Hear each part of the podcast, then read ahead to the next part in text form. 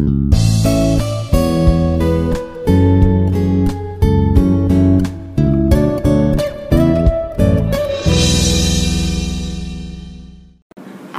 warahmatullahi wabarakatuh. Hai semuanya, balik lagi sama gue Shania Syafira di podcast PPI AIU yang bakal nemenin kalian untuk beberapa waktu ke depan untuk memberikan informasi penting dan menarik untuk kalian semua.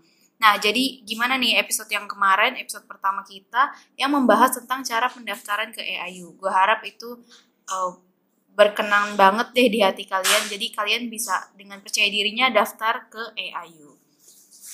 Nah, untuk episode kali ini, gue nggak sendiri nih. Gue membawa seseorang yang sangat terkenal di kampus kita, Abu Hori International University. Ini dia youtuber kesayangan kita, Bintang Astiana. Hai teman-teman semuanya, salam kenal. Nah, Thank you juga for PPI udah ngundang bintang di sini. Oke, kan katanya kita punya pepatah nih. Tak kenal maka tak sayang. Jadi kita persilahkan dulu untuk Bintang Astiana untuk memperkenalkan dirinya. Oke, izin perkenalan teman-teman semuanya. So, nama gue Bintang Asiana. Biasa teman-teman panggil di sini Bintang. Gue kebetulan dari major Bachelor Media and Communication, Faculty Education and Human Sciences di Al-Bukhari International University. Nah, selain aktif bikin konten di YouTube, Bintang ini juga punya segudang prestasi dan aktivitas lainnya untuk PPI dan AIU yang pastinya membanggakan nama negara kita Indonesia. Pertama, Bintang ini sekarang lagi menjadi anggota aktif di PPI Malaysia di dalam divisi pendidikan. Dan juga Bintang ini sekarang, uh, ini lagi berita yang hot banget sih. Sekarang Bintang ini masuk ke SRC. SRC itu Student Representative Council atau biasanya kita sebut BEM. Kalian tahu kan BEM itu apa? Nah, di dalam BEM untuk di kampus kita ini, AIU, Bintang ini menjadi uh, school representative alias perwakilan dari fakultas kita yaitu Fakultas Education atau Pendidikan. Nah, jadi Bintang ini setelah mencalonkan dirinya, dia nih terpilih alhamdulillah menjadi Alhamdulillah. perwakilan dari Fakultas Educa- Education ini. Asik. Teman-teman semangat buat tahun depan ya yang mau di SRC. Nah, sekarang Bintang nih kan udah banyak prestasinya, aktivitasnya juga banyak. Nah, Bintang nih hobinya sama minatnya tuh apa sih? Oke, ini menarik nih untuk bahas tentang hobi dan minat. Sebenarnya sebagai orang yang ekstrovert, gue tuh hobi pastinya ketemu sama orang banyak. Karena ketika gue ketemu orang banyak, di situlah energi gue masuk.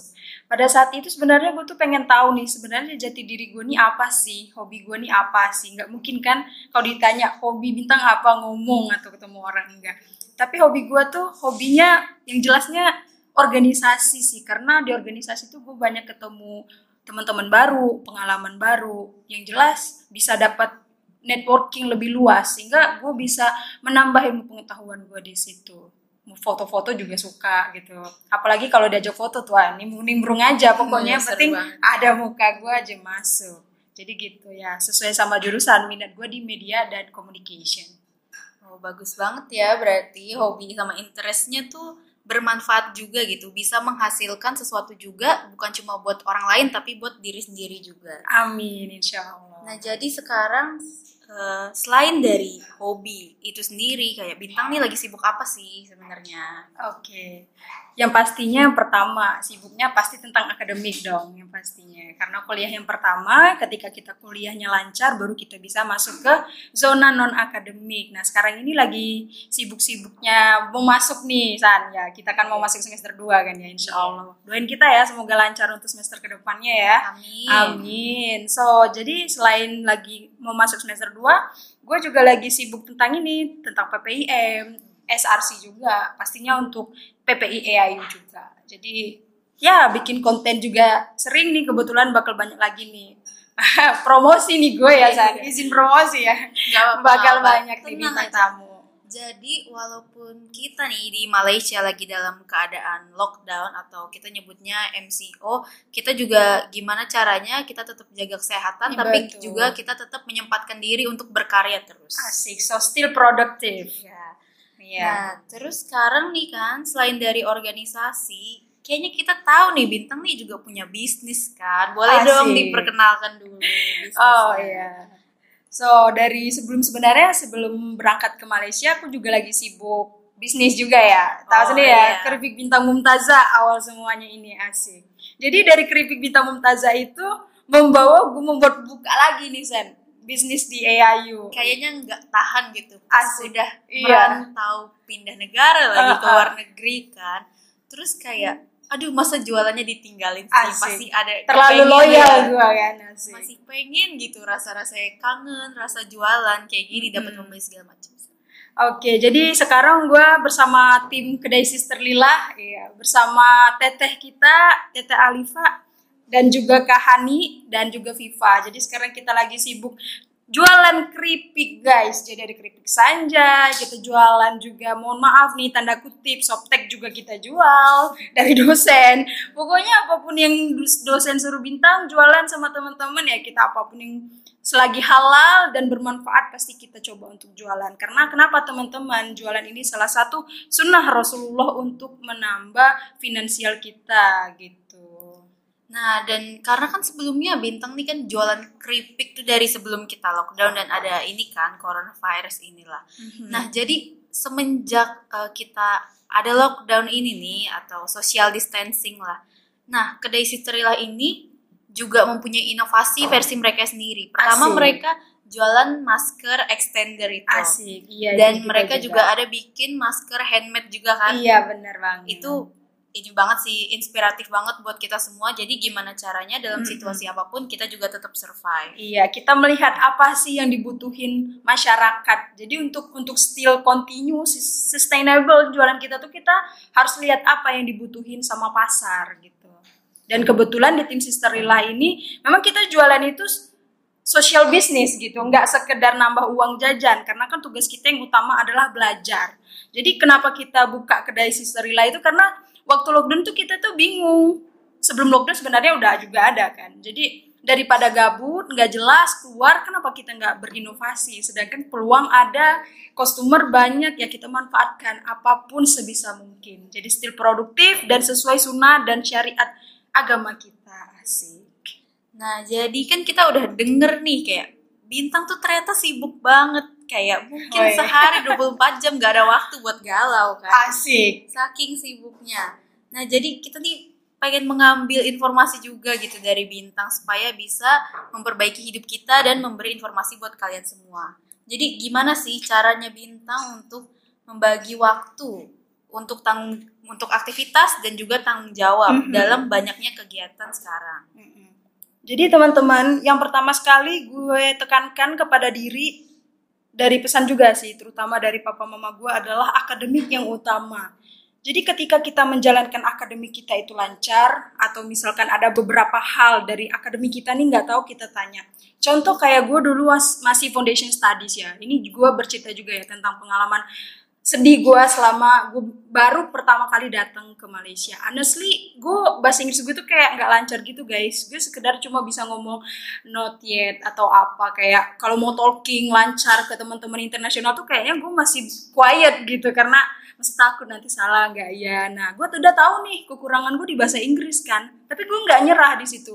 Gue belajar sama teman-teman gue yang lebih ahli dan itu teman-teman untuk bertahan di akademik kita tuh jangan malu. Akui kalau kita memang nggak bisa.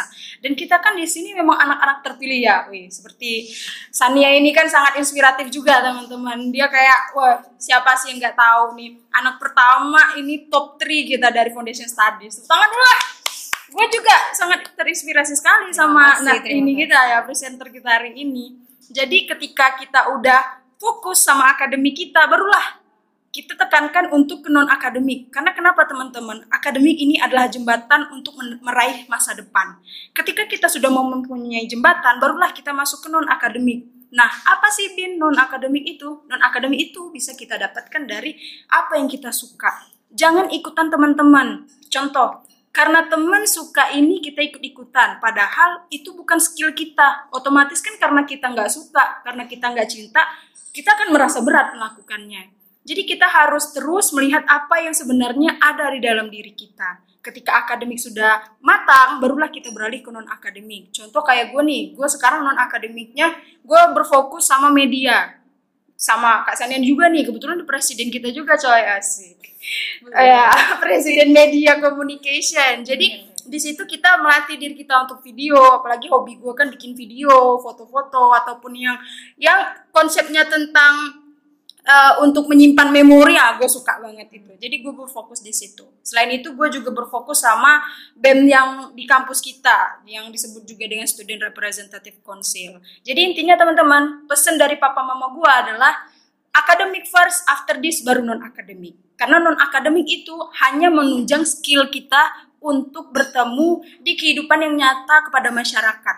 Karena kalau kita tidak mempunyai jembatan dari akademik maka orang nggak mau lu ini siapa? gitu loh lu apa bisanya nah barulah dengan kita dapatkan skill di organisasi gitu kan Nah, jadi kurang lebih kayak gini ya mungkin. Jadi kita tuh bikin prioritas list Iya. dulu. Dan pertama itu harus akademik, mau nggak mau. Karena pertama tujuan kita kuliah apa? Kuliah tuh Belajar. bukan uh, wajib belajar kayak Hmm. dari kita SD sampai SMA wajib belajar 2 tahun. Kuliah tuh di luar itu. Berarti mau nggak mau kita tahu dong kuliah itu adalah kemauan kita Mm-mm. sendiri. Jadi mau nggak mau kita harus prioritasin Iya. akademik kita dulu. Dan yang kedua baru untuk non akademik. Jadi non akademik itu orang-orang kan kadang suka nyepelein juga Iya. kan apa sih gitu, sosok kayak, sibuk banget iya gitu nggak usah inilah kayak udah kuliah stres-stres Iya, masa habis itu ditambah uh-uh. kegiatan lain kayak mending kita istirahat atau apa gitu nah jangan berpikiran kayak gitu loh teman-teman jadi non akademik itu ngebantu kita buat networking jadi Iya. kita pertama punya akademik kita punya Mhm. otaknya asik tapi kita juga punya non akademik kita Iya. punya skill untuk networkingnya kita juga punya skill untuk berbaur sama orang-orang Mhm. sama adaptasi dengan situasi apa pun Benar. itu jadi penting banget ya Singkatnya gini teman-teman, akademik itu adalah teori dan praktisnya itu di non akademik begitu. banget. Jadi mantap dia, seimbang. Nah, tapi kan waktu sebelum nih eh, sebelum bintang sekarang kan manajemen waktunya terlihat kayak sangat baik Amin, gitu. amin. Nah, pasti pernah dong eh, sebelum itu jauh sebelum itu mungkin ya. Kalau gue sendiri juga pernah kayak pasti kita tuh manajemen waktu kita waktu itu saat saat terburuk kita saat saat kita terburuk kayak jadi bisa dong diceritain kayak gimana sih awalnya kayak eh, bintang tuh sadar bahwa manajemen waktu itu penting Mm-mm. jadi gimana sih waktu itu eh, kok bisa tiba-tiba sadar kalau manajemen waktu itu penting Salah dan, dan ya, ya, mulai eh, memperbaiki manajemen waktu itu sendiri Betul. Jadi teman-teman, alhamdulillahnya selama di AIU gue ngerasa kayak manajemen gue udah baik. Kenapa gue udah bisa bilang gue baik manajemen waktunya di perkuliahan? Karena gue tuh udah banting setir, udah apa ya? Susah-susahnya tuh di zaman gue SMP itu kan gue udah gabung di organisasi ya. Jadi di situ kan banyak ketemu kakak-kakak senior, lanjut lagi di SMA gue juga still organisasi. Jadi sebenarnya gue udah banyak kesalahan itu di SMP karena SMP dulu gue pernah juara nih top 3 di kelas tapi karena gue kesibukan organisasi akhirnya gue ranking 7 sumpah itu masih kayak ranking 7 iya guys gue tuh dari ranking 2 waktu itu ya. Dan kebetulan SMP gue tuh bisa dibilang top 1 lah di Bengkulu. Kasih gue bawa Bengkulu nih guys ya gue nggak bisa nyebutin ya SMP berapa ya.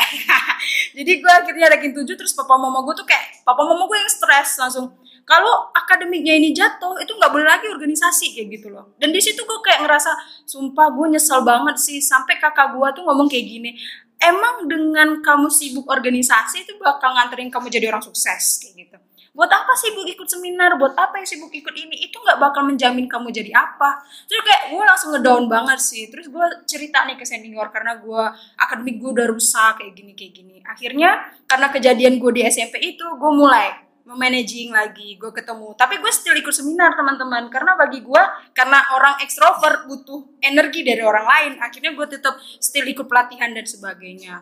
Alhamdulillahnya selama di SMA gue ikut organisasi lagi tuh kan pasti banyak tuh organisasi pasti ada konflik lah Iya, perbedaan pendapat kayak kenceng-kencengan aku paling hebat ini semua semua udah gue alamin.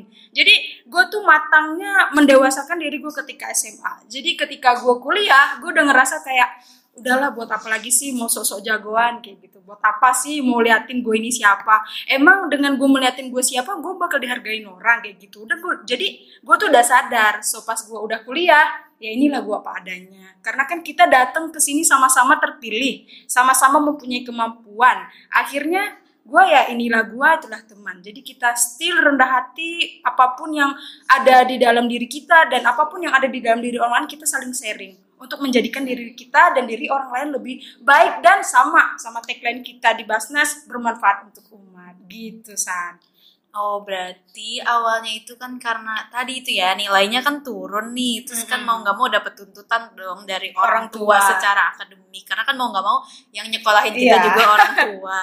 benar Nah, dari situ tuh bisa banget sih jadi inspirasi, karena kan terlalu sibuk di non akademik Mm-mm. juga nggak bagus buat kitanya. benar Karena percuma kayak kita sibuk di luar kelas, kayak semua orang kenal, iya tapi kayak guru tetap ngelihat kita tuh rendah Bener, karena bener. akademiknya tuh rendah itu kan. Jangan sampai dipandang so sibuk di luar eh dalamnya lupa gitu kan jangan sampai teman-teman kayak gitu Padahal niat awal niat awal sekolah Iya. itu buat meningkatkan akademik kita pasti juga kan. benar gitu Nah terus, aduh, apalagi nih ya?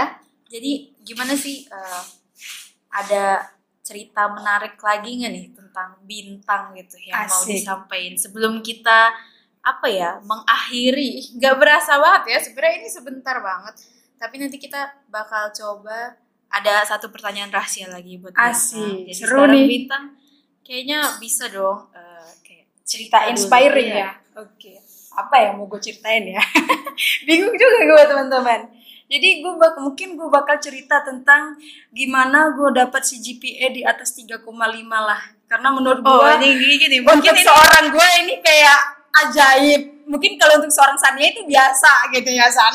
Enggak, enggak. Tapi bagi gue gue terakhir gue mau masuk ke undergraduate IPK gue di atas 3,5 tuh gue kayak sujud syukur sampai gue tuh bayar nazar gue gitu loh. Serius teman-teman. Ini kita buka boleh nih San? Oh, bentar sih. Kan Oke, ini kita dapat info menarik nih. Ternyata si GPA atau IPK-nya bintang ini sebelum masuk ke sarjana, program sarjana ini di atas 3,5. Boleh mungkin disebutin ya Aduh. ujungnya detailnya ini. Kayak menarik itu banget. secret sih aduh gue gengsi sih soalnya ya aduh Bisa dong. Kan kita Oh, ini Oke, kan saling menginspirasi ya. Oke, teman-teman. Jadi, gue bakal cerita nih. Pertama kali gue pernah nangis di EAU. Tapi mungkin orang nggak pernah tahu kapan gue nangis. Karena as eh, orang sanguinis, gue ini selalu terlihat kalau kata orang ya guys. Gue kayak, gue tuh kayak terlihat ceria aja, kayak nggak ada masalah. Happy, gitu ya. Happy aja. Pokoknya ketemu orang, hai, hai, kayak gitu-gitu. Padahal siapa pun orangnya, mau apa pun jenis karakteristik orangnya, tetap aja pasti pernah sedih kayaknya itu eh, apa ya bulan ketiga kayaknya atau bulan ketiga atau bulan kedua gue lupa tapi yang jelas gue pernah nangis karena pelajaran dosen gue dosen matematika. Karena kan gue orang sosial nih san. Iya, orang iya, sosial bener banget, ini nggak suka ngitung nggak suka detail-detail Dan sukanya tiba-tiba dapat mata matematika. Dan perhitungan. lebih pedihnya lagi pedih guys pedih banget. Karena harus pakai bahasa Inggris. Bayangin. Itu susah itu banget. susah banget bagi gua ya. Tapi buat teman-teman harus prepare. Jangan kayak gua cukup gue kalian jangan. Jadi gue pernah nangis karena waktu ujian pertama ya san. Ujian pertama gue fail guys itu kan berapa ya? Contoh nih gue lupa ini berapa nilainya. Tapi misalkan dari 10 kita tuh nggak boleh di bawah 5 ya san Iya, Nah. kita nggak boleh di bawah 50 persen. eh, nggak di bawah ya di bawah 50% jadi nggak ada remedi. Itu tuh gue kayak oh my god. Sedangkan tuntutan di sini adalah ketika kita nggak bisa mendapatkan nilai itu di atas C harus pulang.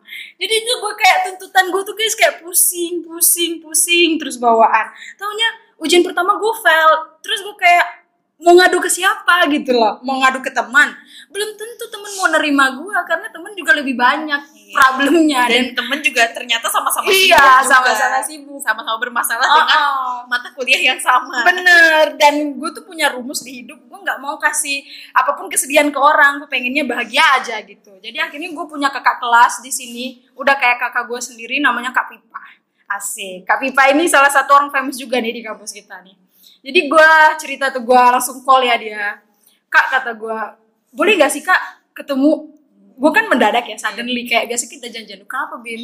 Ada something kak important banget. Gini gini gini. Akhirnya gue tuh cerita aja guys. Gue tuh nggak mau nangis tapi gue pengen luapin kalau gimana kalau gue nggak lulus gitu loh. Sed- sedangkan mau pul- ulang lagi pertama kerugian kalau pulang waktu uang semuanya. Jadi gue cerita Banyak kalau pertimbangan ya kalau pulang. Sedih pastinya malu. Iya. udahlah pergi nunggu pulang. Tahunya nggak dapat hasil tuh kayak orang tua kita malu lah kita nggak mau lah menjatuhkan harga diri keluarga gitu kan.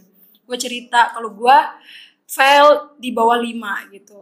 Jadi akhirnya kata Kak Pipa ngomong kayak gini ke gue itu cuma perihal waktu bintang. Ini sampai ini sampai sekarang gue masih inget banget guys. Itu tuh hanya perihal waktu. Terkadang kita harus gagal dulu teman-teman untuk mendapatkan apa yang kita impikan karena kenapa? Ketika kita mendapatkan kegagalan itu akan menjadikan pembelajaran untuk kita tidak mengulangi hal yang sama. Agar kita tidak sombong. Agar kita tidak merasa diri kita hebat. Karena setiap orang sukses di luar sana even kita yang udah masuk undergraduate, alhamdulillah bisa dikatakan sukses dari foundation studies. Untuk melanjutkan sukses lagi di undergraduate. Jadi kata Kak Pipa tetap semangat aja karena semuanya akan berlalu, hari setiap hari akan berganti. Tapi gue nggak cerita ke mama gue kalau gue fair. Pokoknya teman-teman, gue saranin apa pun kesedihan kita di rantau tuh jangan ceritain ke orang tua. Kasih tahu orang tua yang baik-baik aja biar orang tua kita umur panjang. Karena gini ya kayak orang tua kita ngeliat kita tuh udah ngerantau jauh gitu Iya, pasti beban. mereka juga sebenarnya walaupun nggak bilang ke kita pasti mereka juga udah mikirin Khawatir kita gitu banget. udah khawatir mikirin ini itu Mm-mm. jadi masa kita berbagi lagi kesedihan Iya. walaupun kita tahu mungkin kayak orang tua bakal bikin kita nyaman Iya. ngasih nasihat segala macem yang ngebantu Mm-mm. tapi kita juga tetap berat kesannya kita ngasih beban gitu jadi kita maunya orang tua tuh tetap tenang selama kita Iya. di sini juga jadi tetap kasih berita-berita baik ke orang tua. Akhirnya gue nangis gue kayak gimana kak kalau gue pulang? dan sebagainya. Terus kata kak Pipa pokoknya terus lakukan yang terbaik dan berikan lagi belajar lebih giat lagi apalagi bahasa Inggris dan sebagainya macamnya. Akhirnya dengan kegagalan itu menjadi motivasi gue teman-teman. Oke besok gue not keep quiet bintang please jadi diri lo sendiri. Jangan tertekan untuk malu dibilang Inggris lu jelek semuanya. Akhirnya besoknya guys gue langsung mikir oke fix bintang. Salah nggak salah pokoknya lu ngomong bahasa Inggris lu belajar sama orang pintar even semua orang yang itu bisa matematika gue tanyain Sani aja sering gue tanyain San ini gimana ya San ajarin dong Ya, San kayak walaupun gitu kadang ternyata sama-sama deadline dan kita Iya, sama-sama nggak sama- ngerti iya. jadi kayak ya udah kita struggle bareng Mm-mm, struggle bareng di situ. Akhirnya alhamdulillah nextnya naik lagi nih nilai gua. Memang naiknya nggak terlalu banyak, tapi step by step. Jadi tadi kan di bawah 5, sekarang pas udah nilai kedua udah 75, 8. Sampai akhirnya gue pernah dapat nilai tertinggi di kelas itu cuma gue sama adik. Gue inget banget. Dan itu nggak pernah gue lupain. Karena untuk orang sosial kayak gue tuh gak merasa kayak Alhamdulillah ternyata tuh nggak ada yang nggak mungkin gitu loh guys. Even gue anak sosial pun gue bisa pernah sekali, walaupun sekali seumur hidup ngalahin orang yang lebih pinter MM-nya. Karena itu memang gue totali nggak tidur cuman karena gue nggak mau dinilai guru tuh gue tuh nggak bisa gitu loh. Jadi gue lakukan yang terbaik. Akhirnya gue dapet IPK terakhir itu di atas 3,5 gitu. masih nggak mau dikasih tahu ya itu masih nggak mau dikasih tahu ya penting Iya, di atas tiga alhamdulillah. dan itu udah alhamdulillah banget sih itu udah bagus banget sebenarnya itu juga kayak di Hmm. luar ekspektasi kita kan nah jadi dari apa yang bintang cerita ini gue mau ngerangkum dikit lah jadi kan Asik. tadi bintang tuh sempet banget nyebut tentang bahasa Inggris kayak Hmm. waktu bintang datang ke sini itu kita sempet ngobrol karena kita juga dulu kita uh, foundation studies bareng Iya. dan sekarang kita undergraduate juga Dan bareng, lagi. jurusan bareng juga. kita berada di jurusan yang sama dan jadinya kita masuk klub yang sama juga Iya. media club jadi media club itu wajib ya teman-teman buat uh, Hmm. jurusan kita nah jadi secara bahasa Inggris nih kita tuh paham banget loh uh, apalagi kita juga datangnya bareng kan Bareng. kita nggak misah kloternya gitu jadi kita udah kayak kenal cukup lama Iya. dan itu kelihatan banget sih kayak gue jujur banget ya bintang tuh bener-bener improve banget dan gue tuh eh, cuma bukan dari pandangan gue doang karena gue juga setiap eh, abis setiap semester nih kayak setelah nilai eh, IP kita keluar GPA kita keluar itu pasti gue langsung konsul ke Iya. dosen pasti Ini- kita ngobrol sama dosen Ini asdos guys, memang Sania ini apa orang dalam pasti foundation. Pokoknya informasi apa apa kita lari ke Sania. Sania ini gimana? Ini apa San gitu. Enggak sebenarnya gue cuma suka aja sih kayak cerita gitu ke dosen karena kan mereka juga lebih banyak pengalaman apalagi kayak di akademik kan luas banget jadi gue gue senang aja cerita kayak tentang kemajuan pembelajaran atau Mm-mm. kayak masalah-masalah di akademik atau non akademik gitu. Asik. Nah jadi gue tuh nanya gitu kayak siapa nih yang kelihatan banget improve-nya dan dia tuh nyebutin dua orang dari Indonesia itu ada dua orang yang satu cowok yang satu cewek dan yang cewek ini ternyata ini teman kita bintang Astiana Alhamdulillah jadi benar-benar semester ya. Ini lu satu gak cerita ya dari- sama gua ya. dari apa ya dari bahasa Inggris tuh nggak tahu dan kita cuma melongo doang di kelas pertama kelas hari pertama inget banget kelas ini eh, matematika juga kita tuh nggak ngerti apa kita cuma Iya. kita paham angkanya kita paham itu apa tapi kita nggak tahu dia ngomong Iya. apa Iya, gue bayangin guys kayak memang sesek banget gitu untuk karena nggak bisa bahasa Inggris itu. dan tapi untungnya di akhir kita lama-lama udah bisa ngerti Semuanya. kalau ditanya dosen juga jawab di kelas dan Hmm. kita juga sampai dapat project dan harus kayak presentasi Sama-sama. banyak banget kita Ah, gua kayak paling turun banget sih di Iya, sana. itu seru banget sih sebenarnya nah jadi dan yang kedua ini nih gue sebenarnya bukan apa-apa gue Asik. mau berbagi juga Menginspirasi Iya. untuk semuanya ya. jadi bukan bintang doang nih yang sharing tapi gue juga sharing nah jadi gue mau cerita kan bintang ini pertama dia merasa gagal di semester 1 kan Iya. karena nilai matematika itu kalau gue orang ngelihat gue tuh tenang banget Iya, Kayak, sumpah. iya kan Ya top 3 dong ya. Kita tahu ini top 3 foundation studies nih. nah jadi orang tuh ngelihat gue kayak ah Sania mah bisa Sania mah gampang Iya. lah gak usah mikirin mau Merem aja udah Sania. Enggak usah belajar San. mau deadline juga nilainya bagus padahal nggak gitu sebenarnya beneran kayak gitu gue juga tetap masih belajar mau pagi siang malam kayak kalau sempet belajar Kalau sempet guys. Kalau harus. nah tapi kayak yang orang-orang nggak tahu ini ini sebenarnya eh, ini juga ya eh, too much information fun fact juga Asik. gue dapat kesempatan buat ngasih speech di Asik. closing ceremony Wih. foundation studies Top 3 guys. Yoi.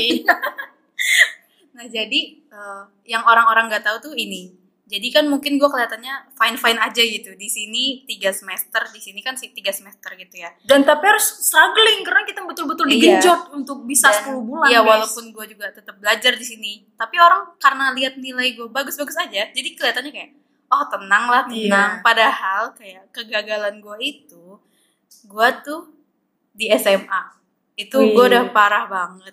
Gue kayak gue aja bingung gitu kenapa gue bisa masuk sini karena kayak di SMA gue beneran kayak hampir gagal. Karena bukan karena jurusan gue juga sih. Kemarin gue ngambil IPA Iya. cuma gue nggak masalah gitu loh. Kayak tetap masih bisa ngejar. Tapi bener-bener nggak bisa. Gue udah belajar gue tetap remet terus. Kayak kayaknya cuma dua mata pelajaran yang gue nggak remet. Dan dua-duanya adalah bahasa Inggris. Oh, sebenarnya berarti nasib lu tuh memang harus origin gitu San. Emang harus keluar dari Indonesia. dan itu Iya. dan itu cuma itu doang nilai gue yang bagus. Sisanya gue harus remet semuanya.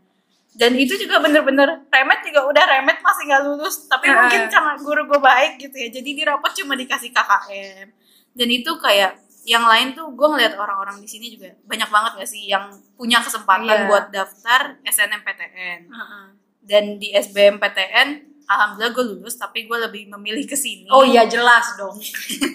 Ngapain kita ngambil SNMPTN yang menolak sementara luar negeri mengundang guys? Nah jadi kayak sebenarnya gue juga nggak berharap apa apa sih sama SNMPTN walaupun gue juga nggak dapet kuotanya gitu. Tapi kayak ya udah Seorang sama- yang nggak dapat kuota SNMPTN jadi top 3 coba guys di Foundation Studies Malaysia itu luar biasa guys.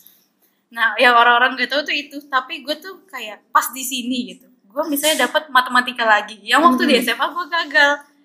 Tapi gue jadiin itu kayak apa ya? Masa gue udah Iya. belajar dua kali gitu Ah. hal yang sama tapi masih gagal gitu.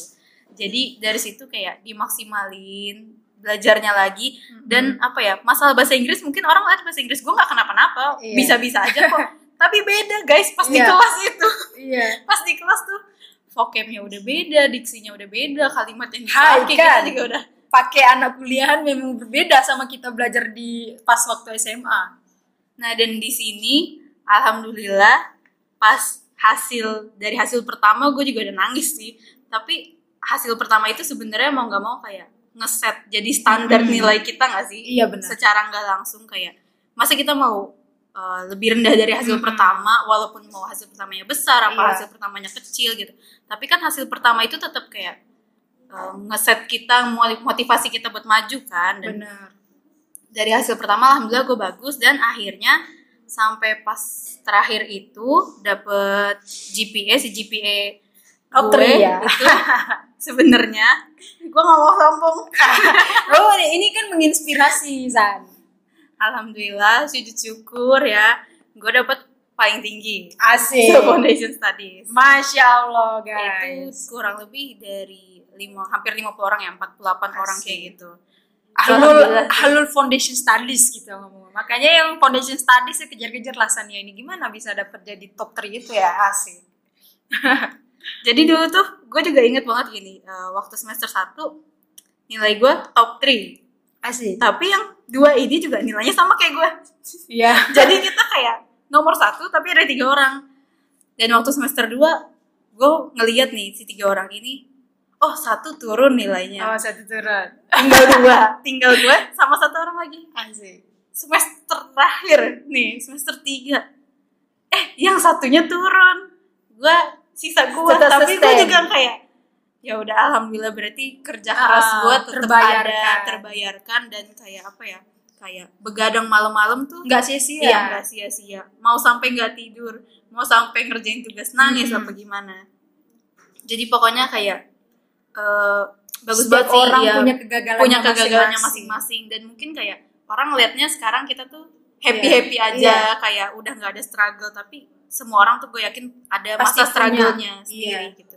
Jadi kalau mungkin kalian sekarang kalian nih ini masa-masa struggle kalian jadi kayak kalian tetap bertahan dulu, Hmm. jangan nyerah, terus sambil pelajarin lagi apa yang kalian Iya. kurang bisa.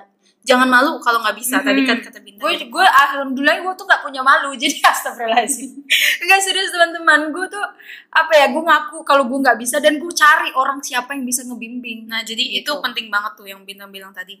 Eh, kita nggak apa-apa ngaku kita nggak bisa gitu. Mm, buat apa Tapi- malu kan Iya, tapi jangan disimpan dan cuma dibercandain, jangan diketahui. Iya. Biasanya kan kita kayak, ah gue nggak bisa bahasa Inggris, cuma Iya. di hahaha doang. Kayak jangan kayak gitu, jangan diem doang. Kayak cari siapa nih sumber yang eh, kita cari juga temen yang inspiratif Iya. supaya jadi sumber belajar kita juga. Jadi di sini tuh nggak apa ya, nggak susah sendirian. Benar. Padahal kayak masih ada temen yang mau bantu. Walaupun apalagi iya. dosen ya san Dan dosen di sini juga kayak supportif banget. nggak ada eh, dosen di sini guys honestly memang supportif semuanya nggak nilai misalnya nih Sania ini kan ahlul foundation studies. Ya dia bisa dapat karena memang betul dia orangnya pintar gitu. Gue gini gue gini gue gini. Sampai dulu gue pernah tuh dibilang sama dosen kita namanya Mr. Ildi. Gue sayang banget sama Mr. Ildi ini karena apa ya perkataan dia tuh memang pahit tapi menginspirasi bagi gue asik kayak di startup lah ceritanya itu. Siapa? Nama Sodami itu sama Hanji Pyo itu kan. Memang omongannya tuh pedes tapi dia nggak sakit hati. Gue pernah dia bilang kamu tuh pronunciationnya tuh Indonesia banget katanya gitu. Kata orang temen-temen gue yang denger itu lu nggak tersinggung bin? Ya kenapa? Gue harus tersinggung emang faktanya gue kayak gitu. Makanya gue belajar lagi gue nanya sama dia. Sampai akhirnya dia pernah ngajakin kita makan malam waktu itu kayak ya Allah ini dosen kemarin yang gini kok mau aja ya makan sama gua gitu sama tim gua. Dan tim gua tuh pertama waktu itu makan sama bareng sama dia. Jadi itu teman-teman kalian gak usah risau masalah dosen di sini unsupported atau apa tuh gak usah mikir itu. Karena di sini teman-teman tarik nyawa masing-masing. Gak usah mikirkan contoh kayak oh ini nilainya gini nilai kamu gini eh, kamu gini. Enggak fokus hanya sama diri kita aja. Terus eh, lurus capai apa sebenarnya yang kalian cari dan kalian inginkan. Insya Allah kalau kita, kita fokus, sabar, nikmatin prosesnya, apa pun yang kita inginkan itu tercapai dengan sendirinya. Karena kalian berseraya terus berdoa. Akhirnya alam tuh juga berdoa untuk kalian. Dan malaikat yang mendengar pun mengaminkan. So, terus jangan lupa juga belajar terus, jangan lupa kewajiban kita sama Tuhan yang Maha Esa. Itu juga penting teman-teman. Nah itu jadi kita bisa denger lagi tadi kan diselipin nih katanya jangan bandingin diri kita sama orang lain Benar. tapi bandingin kita tuh sama diri kita sendiri yang Betul. sebelumnya Yang sebelumnya. Jadi, supaya kita bisa jadi Hmm. lebih baik lagi dan apa ya jadiin goals orang lain tuh cukup inspirasi aja iya. jangan mau kayak Jangan ih, iri-irian. iya jangan apa Gak ya, penting banget tapi guys. jangan juga sampai berlebihan banget sampai kayak ih gue mau jadi kayak bintang gitu. Iya. jangan gitu misalnya kayak oh gue mau jadi youtuber juga tapi gimana nih caranya Iya. biar kayak beda sama bintang Bisa kolaborasi iya sama tapi gua. jadi ketika gitu. digabungkan itu jadi lebih bagus lebih lagi indah. Iya. Dan nggak jatuhnya misalnya gue jadi youtuber kayak bintang gitu lah nanti udah ada bintang udah ada gue kalau digabungin sebenarnya nggak ada kemajuan dong kayak Iya. collabnya tuh bakal biasa aja nggak spesial gitu karena sama aja kayak nggak ada perbedaannya Mm-mm. Jadi teman-teman, no need insecure. buang insecure itu ganti semuanya sama bersyukur hilangin iri mengiri hilangin rasa tinggi hati merasa kayak ah lu kan dari daerah kecil gue kan dari Jabodetabek gue lebih hebat nggak penting teman-teman semuanya di mata Tuhan yang Maha Esa itu sama. Yang membedakan hanyalah gimana ibadah kita dan gimana hubungan kita sama manusia. Hablum minallah, hablum minanas. Jadi itu paling penting untuk menjalani hidup. Pokoknya tetap ramah kepada siapa pun. Jangan kayak merasa oh gue Indonesia, oh dia Malaysia atau oh dia itu orang apa Eropa lebih cantik lebih nggak penting teman-teman. Karena di sini teman-teman kalian bakal ngerasa kalau orang ganteng tapi ternyata sifatnya itu oh ternyata enggak tetap enggak bagus gitu iya. ya. jadi kegantengannya luntur begitu juga yang cantik. Tetapi ini contoh ya oh ini ternyata face-nya biasa aja tapi hatinya lembut banget. Oh ramah membantu siapa-siapa. Akhirnya kebaikannya itu membawa aura baik kepada lingkungan jadi itulah sebenarnya jadi lebih baik eh, di inside-nya cantik luarnya outside-nya juga cantik itu lebih mantap gitu Nah, terus nih ya, balik lagi ke tadi yang terakhir yang masih kita simpan. Jadi kayak pasti ada kan temen-temen nih yang udah dengerin cerita kita, cerita dari tadi banyak banget nih kan. Iya. Ini tuh ceritanya kayak dari tiap-tiap pertanyaan tuh pasti ada yang menginspirasi lah, insya Allah. amin Nah, mudah-mudahan jadi eh, gimana nih Bintang, ada nggak eh, tips and trick buat teman-teman yang mau mulai memperbaiki manajemen waktunya kayak Mm-mm. harus apa dulu gitu? Hal yang pertama harus diperhatikan nih apa? Gitu. Pertama yang paling harus diperhatikan adalah bangun pagi. Itu terpajar honestly ya gue. Teman-teman ada nih kan pernah nih kita dapat apa sering ya di Instagram kayak perbaikilah sholatmu maka hidupmu akan memperbaiki pula jalurnya kayak gitu. Jadi pertama gue tuh pernah karena apalagi kalau kita perempuan lagi menstruasi ya tanda kutip. Jadi kita kayak merasa hidup kita kayak oh ya dia bangun siang atau manajemen waktunya. Jadi gue perbaikin pertama ketika gue ingin manajemen waktu adalah bangun gue. Jadi gue tuh eh, jangan jangan kayak gue jangan jadi kayak gue dulu teman-teman. Gue bangun pagi kalau gue ada janji aja atau gue bangun pagi kalau ada something important atau bangun siang enggak. Jadi teman-teman kasihlah apa ya fresh pagi-pagi. Kalau memang males buat keluar hostel nantinya yang bakal datang atau keluar rumah yang lagi di rumah, ya paling enggak bantu orang tuanya nyapu. Apalagi yang sekarang masih sama orang tua tuh baik-baikin banget guys. Jangan kayak kami nih, udah lama nggak pulang, akhirnya hanya bisa berbakti lewat telepon dengan memberikan informasi yang baik kepada orang tua. Jadi ketika kita bangun kita udah bisa terstruktur, insya Allah semuanya akan bisa juga. Terus kedua on time teman-teman. Apalagi di internasional ini kita bukan di Indonesia teman-teman. Orang di sini betul-betul on time dan honestly gue pernah telat dan gue malu banget. Tapi alhamdulillah setiap kelas gue on time terus karena itu kan nilai ya. Mau nggak mau dinilai disiplin kita kan. Contoh kayak kita meeting sama temen nih, eh, janjinya jam 12 atau berapa. Nah gue pernah telat dulu sama tim kita, gue langsung to the point aja deh sama tim kita di Sisterly Lasi. Walaupun kita jualan kecil-kecilan, tapi kita udah kayak mempunyai company sendiri ya teman-teman. Gue pernah telat, akhirnya eh, salah satu personil dari Gerai Sisterly tuh kayak upset sama gue. Dan dia memberikan saran ke gue gini, apalagi kan banyak kakak-kakak kan, gue paling bungsu di kedai Sister Lila. Bin, sebenarnya on time itu penting banget sih Bin. Karena bikin orang kesel dan semua macamnya itu itu tuh bakal nggak baik untuk ke depannya. Terus gue kayak oh iya bener juga sih. Nah teman-teman gue bisa ambil kesimpulan di sini. Bisa mungkin ambil dari cerita gue gue tuh setiap orang kasih nasihat tuh gue nggak akan kayak apa sih lu kayak sok perhatian banget sama hidup gue gue selalu bersyukur karena orang peduli sama gue oh iya bener ya. Oh iya kak maaf. Jangan lupa buat maaf tolong terima kasih itu penting banget jadi kalau kalian udah bangun pagi, nya udah mantep, on time-nya juga udah mantep, insya Allah apa pun yang bakal kalian jalani keseharian itu lancar dan orang tuh bakal manggil kalian lagi, gitu. Misal nih, gue hari ini ada janji sama Sania, San eh, nanti kita buat ini ya di media, gitu. Eh tiba-tiba gue telat, kira-kira mau gak San lu undang gue lagi besok? Iya benar. Udah bete kan Pasti San? udah bete duluan. Udah Terus jadi mikir dua kali lah Iya. buat ketemu lagi. Oh, oh, karena udah kesal di awal gitu.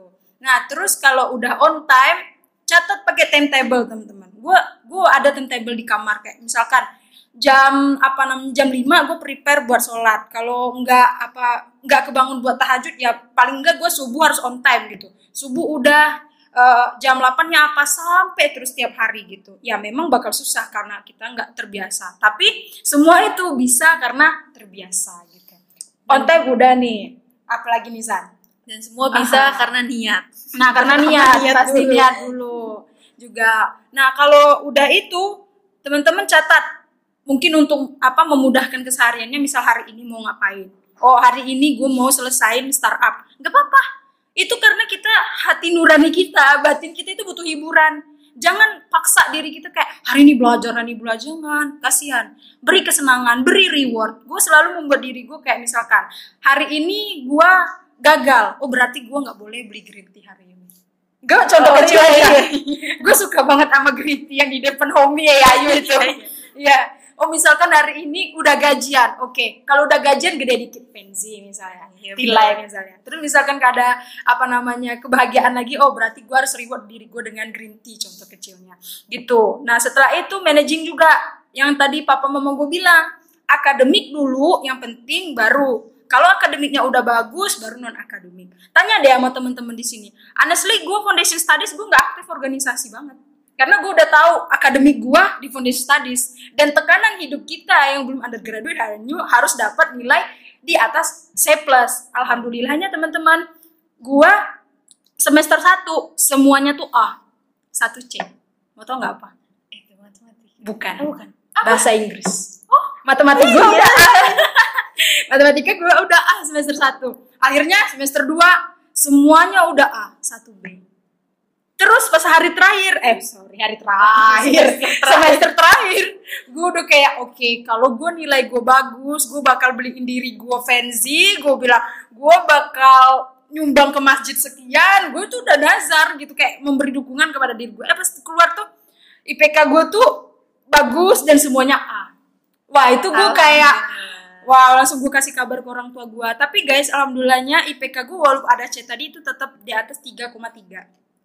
Iya nggak sih? Di atas 3,5? 3,5? Enggak, kan ada Oh, C. oh yang di atas 3. semester satu Ya, semester oh, 1. IP IP yang semester Ya, satu jadi pas semester 2 nilai gue udah di atas 35, semester 3 juga udah di atas 35. Gitu teman-teman. Jadi pokoknya apa pun yang kalian eh, kurang bisa, terus sabar, jalani dan rasakan nikmatin hasilnya gitu. Karena teman-teman harus ingat juga Semakin tinggi tahapan yang kita akan lalui, semakin sulit juga rintangannya. Tetapi dengan menikmati proses tanjakan itu, ketika sampai di puncak, kita bakal menikmati keindahan ketika kita berada di puncak itu. Contoh kayak kita mendaki gunung nih kan. Mendaki gunung kan kita susah nih naik, naik, naik. Pas sampai di puncak, dingin, semuanya melihat terus awan. eh, apa pemandangannya juga Pemandangan. indah kan Begitu juga waktu kita praktis di kehidupan. Tapi teman-teman jangan lupa ketika kita ada di puncak, jangan lupa gimana sulitnya kita mencapai puncak itu.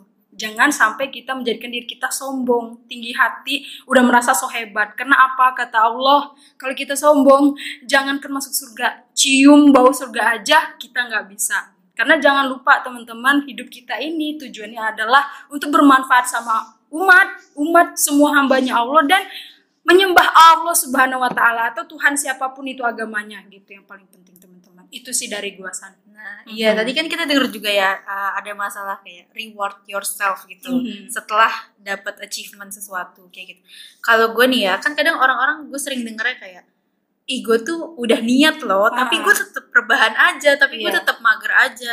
Nah, itu gue pernah baca jadi salah satu faktor kenapa kita mendapatkan kayak perasaan seperti itu kayak kita tuh udah niat tapi kita tuh tetap mager Mm-mm. terus kayak susah mau bangkit buat ngelakuin sesuatu itu itu ternyata karena kita udah eh, kebanyakan hiburan, kebanyakan Ya. entertainment itu sendiri. Jadi kayak Apa-apa ngelihat hidup iya, orang aja. Jadi gitu ya. hormon hormon kebahagiaan kita itu udah terlalu di puncak. Jadi Mm-mm. ketika kita mau ngerjain yang susah kayak ngerjain tugas kan itu dapat stres kan Mm-mm. kita. Jadi dapat tekanan dan kita tuh malah nggak mau betul. nggak mau ngerjain sama sekali jadinya malah kayak pas deadline mepet malah hasilnya nggak Hmm. maksimal kan jadi makanya caranya tuh kayak gini jadi misalnya eh, kalau gue nih ya gue sukanya Asik. nonton drama gue sukanya nonton drama Korea drakor kita dia. nah jadi gimana caranya buat kita eh, membuka atau menjalani kayak kegiatan yang untuk entertainment itu kita buat susah Hmm. misalnya kan kita nih kalau cemilan ada di depan mata kita pasti kita makan terus kan secara nggak langsung Mm-mm, betul. jadi kalau gimana caranya ngurangin? Jadi kita tuh eh, taruhnya di tempat tertutup gitu. Misalnya di rak eh, tempat makan gitu. Abis ngambil satu, udah tutup Iya, lagi. cukup. Berarti kalau kita dan kita makannya tuh nggak di depan rak itu juga. kita Sesuai sambil kebutuhan duduk ya, ya. San? kita sambil duduk makannya jadi ketika kita udah habis nih dan pengen lagi susah kan ngambilnya kayak harus buka raknya dulu nanti buka tempatnya dulu makanannya dulu. Jadi kayak gitu disusahin misalnya kalian uh, punya Netflix nih. Jadi misalnya kalau Netflix kan tinggal buka aplikasi terus tinggal cari nih Ya, mana yang mau ditonton, mau Iya, ditonton. dramanya banyak filmnya banyak dan Netflix itu racun banget sih. Karena dia abis episode satu selesai Ya, langsung nambah. autoplay episode Benar, sebelum eh, episode selanjutnya sorry jadi tuh kayak ya udah kalau kalian udah selesai nonton Mm. kayak oh udah janji nih hari ini nonton dua episode doang Iya. misalnya di lock out dulu Netflixnya jadi ketika kita buka Netflix ih males harus sign in dulu Iya, kayak benar. gitu itu Benar, sebenarnya Walau simple, simple simple tapi sebenarnya ngebantu banget jadi gue juga kayak gitu kayak eh, kalau gue kan kadang eh, ada beberapa drama yang harus download ada beberapa yang Hmm. harus kayak di Netflix kayak gitu kan jadi misalnya gue download kan download butuh proses benar. Jadi kayak jangan download kayak pas eh, waktu sekarang gitu karena kita nanti bakal kayak oh udah selesai download Iya. kita bakal langsung nonton jadi kayak nanti downloadnya pas setelah tugasnya selesai, Selesai. jadi Atau kita kasih juga, jadwal, iya, bisa kasih libur. jadwal dan intinya kayak fokusin dulu sama to do listnya Mm-mm. baru nikmatin wish listnya gitu memang bener banget teman-teman. Jadi managing waktu itu sangat penting banget karena itu tuh bakal menjadikan karakteristik diri kita. Karakter kita akan tumbuh dengan kebiasaan sehari-hari. Dan teman-teman juga bisa circle-nya juga bisa dibagusin teman-teman. Misal contoh oh teman ini suka nonton terus tapi kira-kira dia bakal ngajak kita belajar nggak? Atau gimana nggak? Jadi teman-teman pergaulan juga penting untuk men- menjadikan diri kita apa managingnya bagus. Contoh misalkan jangan lupa ya hari ini baca Qurannya. Jangan lupa ya sholatnya. Jangan lupa apa namanya tugas assignment yang paling penting. Kalau gue sendiri kenapa gue hiburan itu selalunya di setiap hari Sabtu dan Minggu? Karena asli gue untuk nonton ya. Gue kayaknya nggak bisa gue dua episode bisa army marathon dan semuanya jadi bisa ikutin saran dari Sania tadi atau bisa juga bukanya di hari-hari libur gitu jadi itulah pentingnya managing waktu untuk kehidupan kita yang lebih baik ke depannya karena dari kita niat awal-awal kan kadang kita baru niat nih tapi tiba-tiba langsung rajin tapi bertahannya tiga hari doang Nah, kayak gitu itu karena maksa Iya, itu karena maksa. Karena bisa aja kalian kayak ngisi jadwalnya kayak belajar terus 20 Iya. jam, terus habis itu istirahatnya 4 jam, nggak bisa kayak gitu. Karena kita juga nanti bakal stres jadi kayak pelan-pelan dulu. Mungkin Iya. kayak hari ini nontonnya tiga episode deh nggak apa, besok Iya. dikurangin lagi, besok dikurangin lagi, Mm-mm. sampai lama-lama males nonton. Percaya Nah, bener. Contoh gue sekarang, gue tuh nggak ada waktu buat nonton karena waktu gue habis buat dipanggil dosen, panggil dosen buat ini, buat itu. Jadi teman-teman Sibuk ya anak sibuk gue. bisa aja nih ya.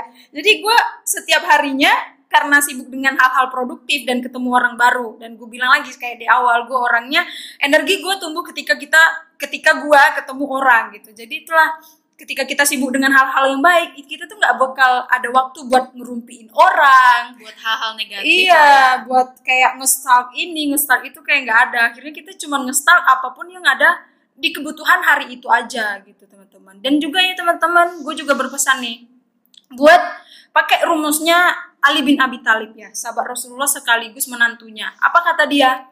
Orang yang menyukaimu ah, nggak usah ceritain diri lu kayak apa namanya terlalu detail ke orang biar lu dipandang hebat buat apa tuh nggak penting banget teman-teman. Karena apa kata Ali? Orang yang suka ya orang yang bakal suka tetap bakal suka tanpa alasan. Dan orang yang benci tetap bakal benci. Walau lu ngejelasin gue baik ini gue baik itu enggak apalagi kata ini nih managing waktu juga nih dari owner kita Tan Sri Syed Mukhtar Ar-Bukhari dia bilang apa? 8 jam untuk diri sendiri 8 jam untuk bekerja atau belajar dan 8 jam untuk masyarakat. Jadi hidup kita terarah dengan 24 jam 8 kali 3 tadi. Terus teman-teman juga gue bakal eh, sebelum berakhir nih ya San gue bakal cerita juga kenapa gue bikin YouTube pertama ya gue bikin YouTube karena gue bikin video. Karena gue ngerasa kayak gue eh, suka banget ngedit video tapi gue nggak tahu menu-menuhin aja di HP terus dengan inovasi yang sangat luar biasa di era zaman sekarang ini ada YouTube. Kenapa gue nggak buka aja ya platform gitu? Kenapa gue nggak undang-undang aja ya orang-orang yang kira-kira menginspirasi? Next ini bakal Sania juga nih bakal ngebahas kira-kira bakal ngapain gue sama Sania. Nanti ya. Asik gantian undang ya. gantian ya. Jadi di sana gue bisa pertama ya mengasah diri gue untuk bikin video. Kan di situ banyak komenan. Wah bagus bintang. Wah berarti bintang uh, editingnya agak kurang di sini nih. Nah itu gue senang banget kalau gue tuh dikasih suggestion sama orang. Jadi gue mengasah skill gue lewat YouTube itu sekaligus gue juga menginspirasi banyak orang. Bukan buat cari tenar. Karena honestly buat tenar nggak tenar sebenarnya nggak buka itu gue juga udah dikenal gitu. Ya bener-bener. Enggak, enggak, bercanda, teman-teman.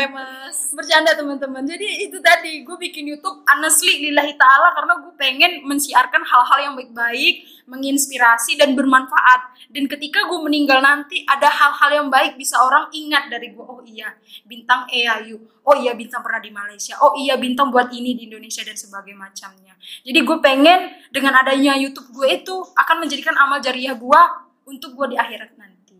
Asik Nah, tuh inspiratif banget kan obrolan kita hari ini. Nggak kerasa Sama ya. Bintang. Sampai nggak berasa loh ternyata udah selama ini. Tapi gue dari tadi ya sebagai pendengar juga dan sebagai orang yang sharing juga sih, eh, gue ngerasa sih kayak kali ini ya di episode kali ini kayak bener-bener banyak banget Iya. kayak informasi yang bener-bener kayak inspiratif dan semoga juga kayak bisa ngebantu kalian yang lagi struggle sama masalah apa pun dan mungkin kayak apa-apa yang kita omongin hari ini tuh somehow bisa di-apply ke masalah kalian, ke kehidupan kalian dan semoga juga bisa berjalan lancar buat kalian ke depannya. asik amin amin insya Allah Nah, jadi mungkin kita cukupkan di sini aja. Mungkin bisa jadi nih kalau kalian yang dengerin podcast ini eh, naik gitu. Asik. Wah, banyak nih tiba-tiba meningkat tiba-tiba mengencouraging iya. semangatnya tiba-tiba podcast ini viral. Mungkin bisa Amin. next time kita undang lagi nih bintang Asik. untuk cerita-cerita selanjutnya. amin mudah-mudahan Nah, jadi mungkin segitu dulu dari kita. Mungkin di eh, next podcast kalian bisa juga kirimin eh, ide Suggestion apa ya, ya. pengen bahas apa nanti ke depannya sama presenter cantik dan pintar Aduh, kita asik. berat nih. Nah, iya boleh dikirim ke Instagram at ppi underscore AIU. jangan lupa buat ajak teman-temannya buat follow Nah, oke. gue pengen promosi juga nih sebelum sekian gue promosi juga Ada ya asik Dipersilahkan Siap, gue suka banget nih kalau soal-soal promosi. So teman-teman jangan lupa buat follow Instagram gue nih di Bintang Astiana di Instagram. Sania juga nih, pasti tahu dong. Ya admin PPI Ayu asik. Terus jangan lupa juga buat teman-teman yang pengen masuk di YouTube gue atau memberikan saran jangan lupa buat subscribe dan like, comment, and share. Asik ini Nyalain notifnya. Asik, notifikasinya agar cepat dimonetisasi biar uangnya kita bisa makan sama-sama. Asik. Amin. Itu aja teman-teman. Thank you. Jangan lupa juga follow at kedai Sisterila. Nah itu juga sangat penting sosial bisnis pioner pertama di AIU. Bangga nggak kita tuh? Jadi habis kita buka kedai semuanya buka bisnis. Asik. Nah, oke segitu dulu. Sekian dari gue Sania dan Bintang Astiana. see you on next episode. Bye bye. Thank you. Bye bye. Wassalamualaikum. Assalamualaikum.